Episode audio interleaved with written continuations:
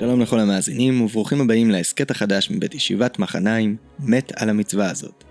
יש פסקה חמודה בספר חסידים שעליה ביססנו את השם הזה, אהוב לך את המצווה הדומה למת, מצווה שאין לה עוסקים.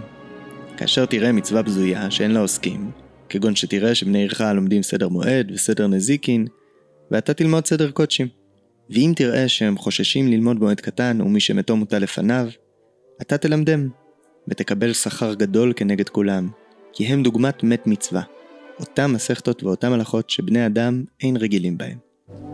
טוב, אז מתבצע כאן בפסקה הזאת איזה היפוך מעניין, כמו שיש מת מצווה, שאתה עוסק בו, יש לך חיוב לעסוק בו, יש גם מצווה מתה, וממילא יש חובה לעסוק גם בה.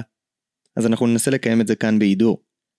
נעסוק בחללים ריקים, מצוות או מושגים בסיסיים שהם חלק מהמילון הדתי שלנו, אבל אנחנו לא כל כך נוגעים בהם ביום יום. אולי בגלל הזנחה, אי הבנה, היעדר רלוונטיות, הסיבה לא כל כך משנה, לפחות במבט ראשון.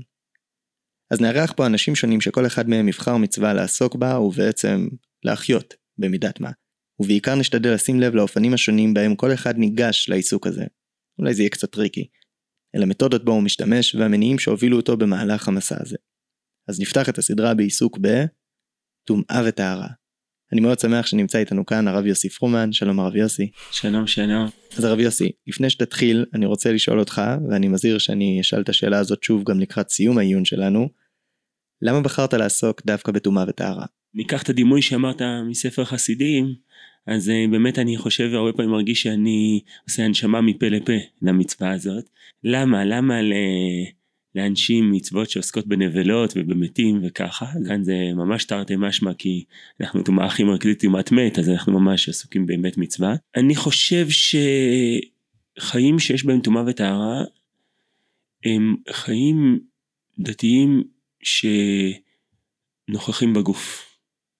אני חושב שאחת הטרגדיות של העולם היהודי שאולי קרה עם החורבן זה שמפני חטאינו התגלינו מארצנו ונתרחקנו לא רק מעל אדמתנו אלא גם מעל גופנו.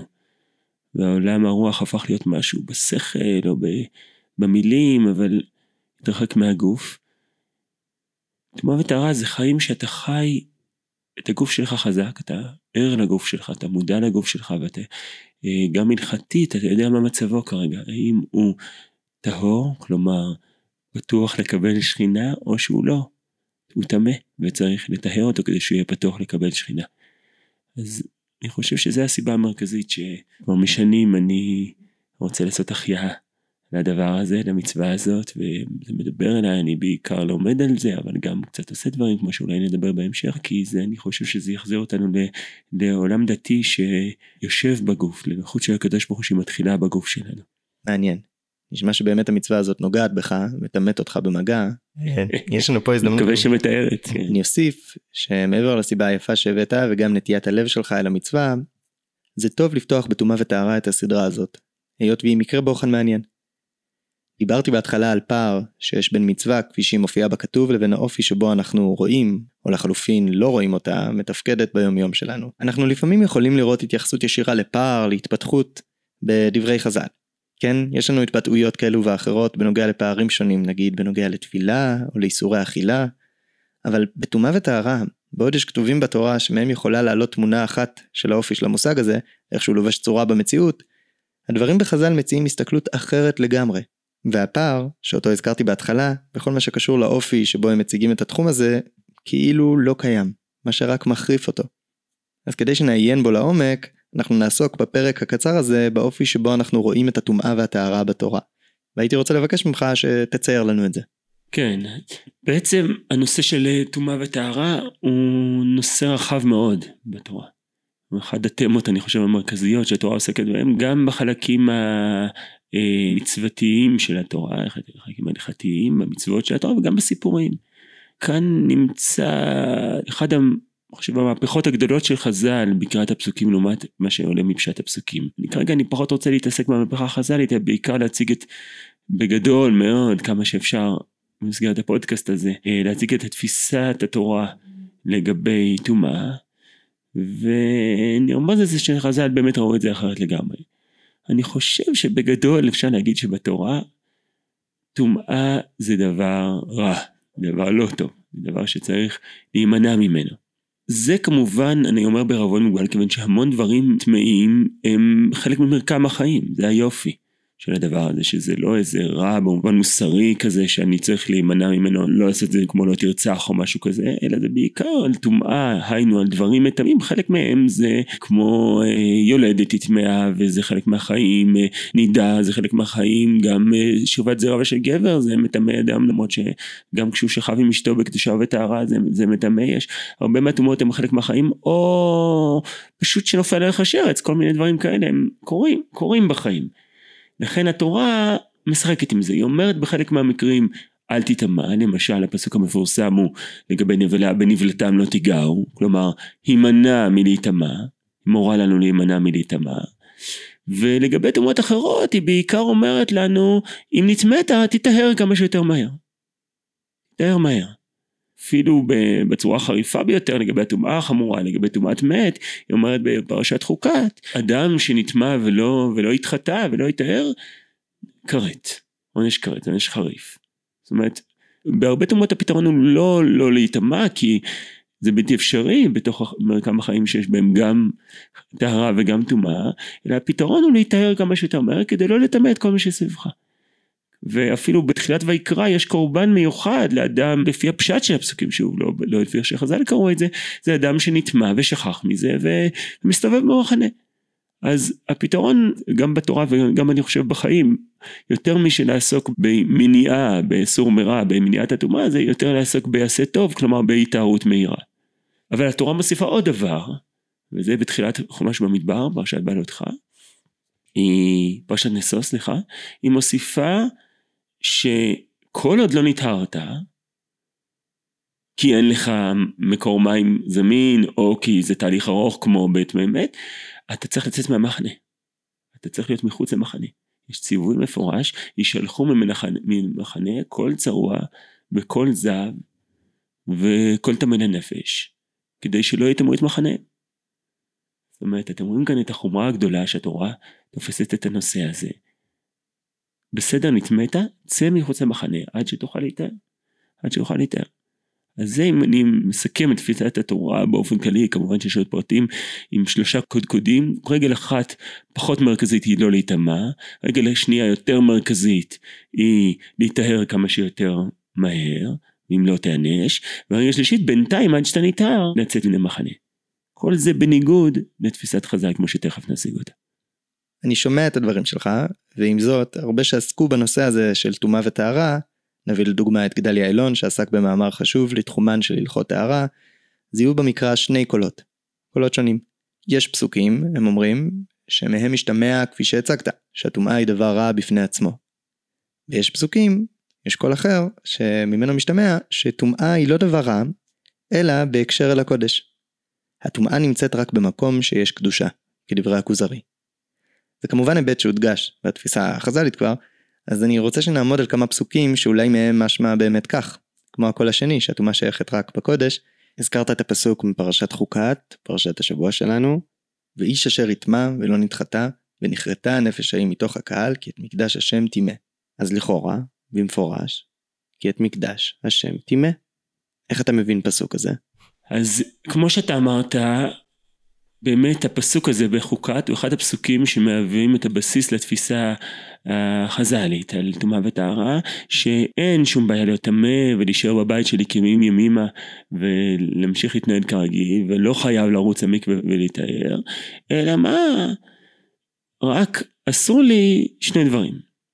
להיכנס לבית המקדש או לאכול קודש. זאת התפיסה ההלכתית הכללית של חז"ל, שוב אני חושב שזה אה, שונה מאוד ומהפכה הייתי קורא לזה מפשט הפסוקים כיוון שכמו שהצגתי לפני כן פסוקים רבים לפי פשוטם לא נראים ככה.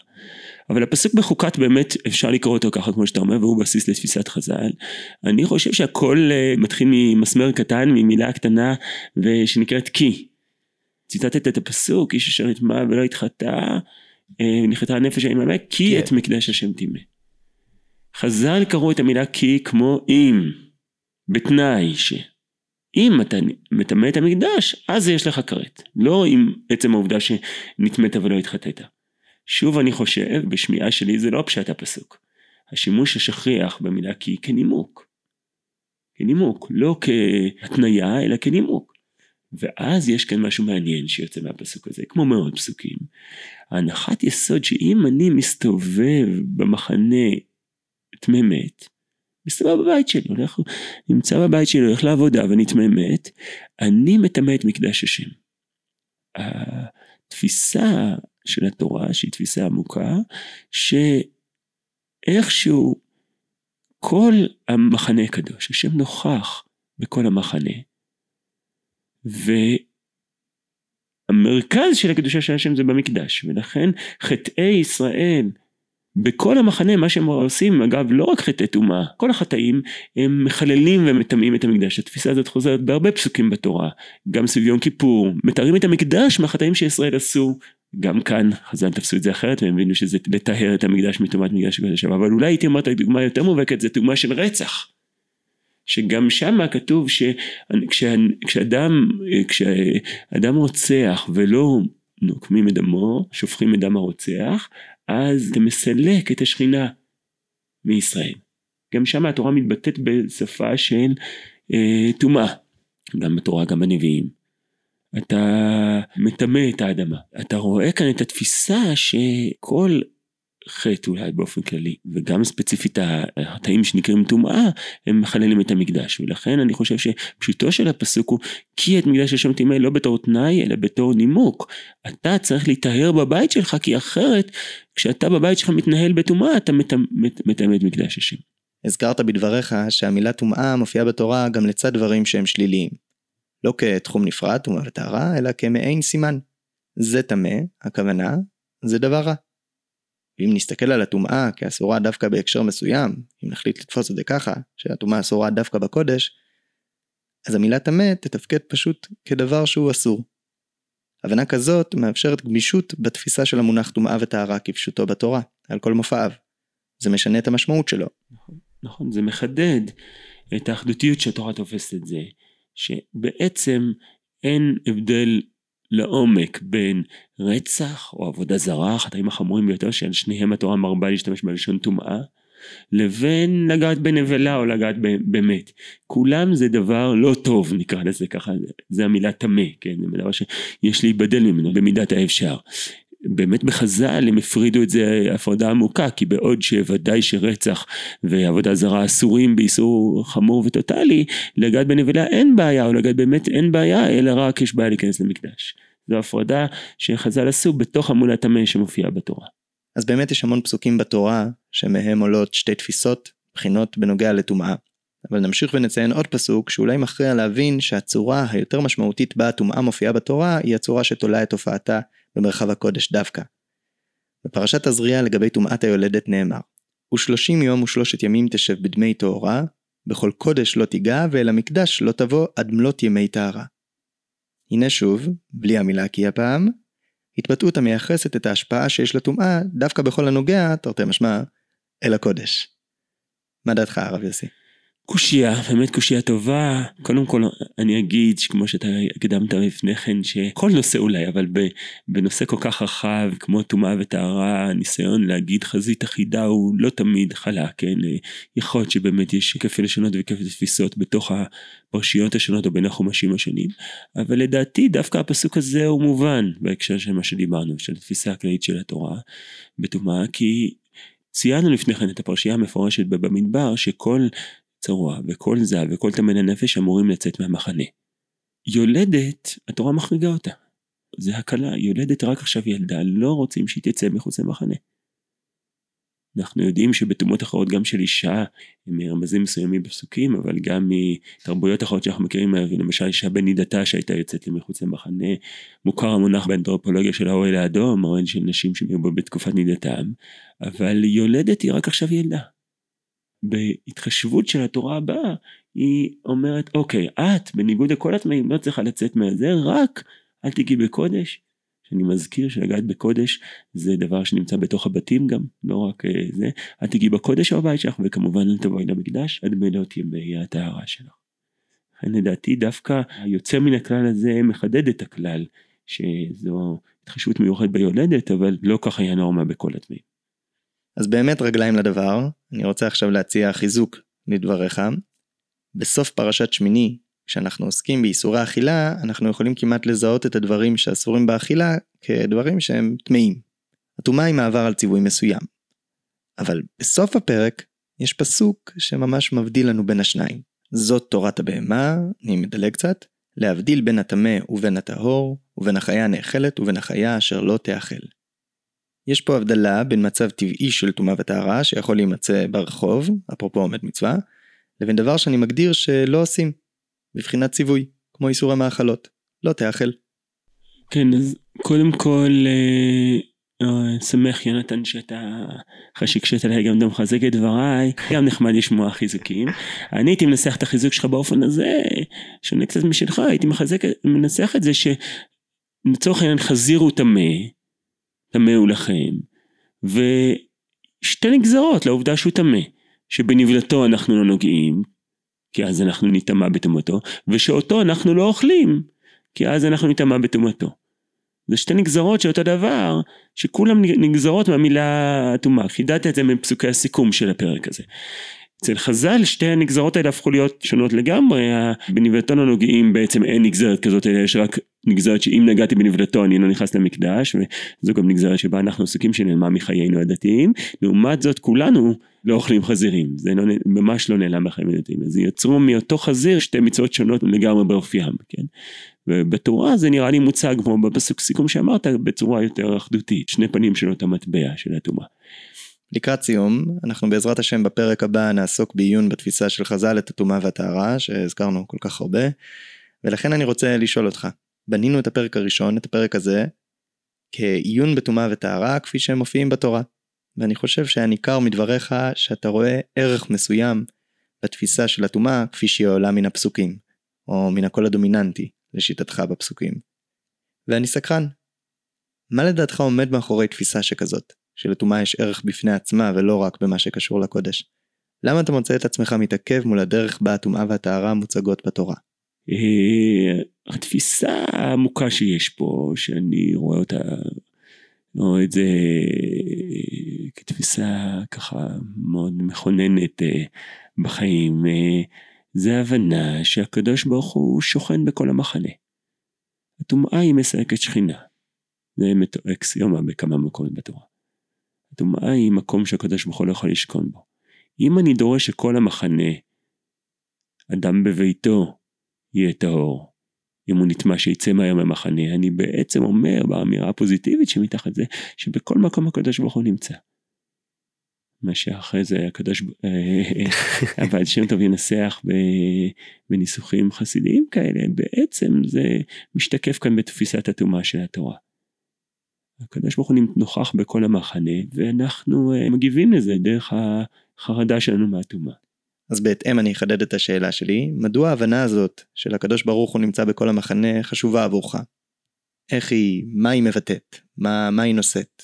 אני חושב שקודם כל נמצא בכל המחנה זה אומר גם בכל מקום אבל כמו שפתחתי גם בגוף שלנו שזה המוקד המרכזי של זירת הטומאה והטהרה אבל בכלל התפיסה הזאת אם אם נחזור, אם נזכה לחזור לעולם שמירה של טומאה וטהרה, אז אני חושב שבסאבטקסט שיעזור לנו גם חוויה דתית הרבה יותר עמוקה, שקדוש ברוך הוא לא נמצא רק בתחומים שתחמנו לו, בבית כנסת או בתורה או בזה, אלא שהוא נוכח בכל.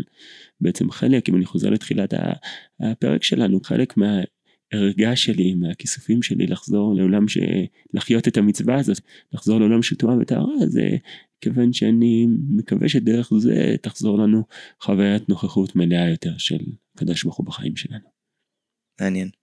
אז הדרך רצופה כוונות טובות, ובהתאם בפרק הבא נמשיך להקשיב בקפידה לאופן שבו אתה מנסה להחיות, לחיות את המצווה הזאת. נשוב לעסוק בטומאה וטהרה ונתמקד יותר בדברי חז"ל סביב הנושא, קצת יותר באריכות. אז תודה רבה לך הרב יוסי, ותודה לכם המאזינים שהייתם איתנו, וניפגש בשבוע הבא.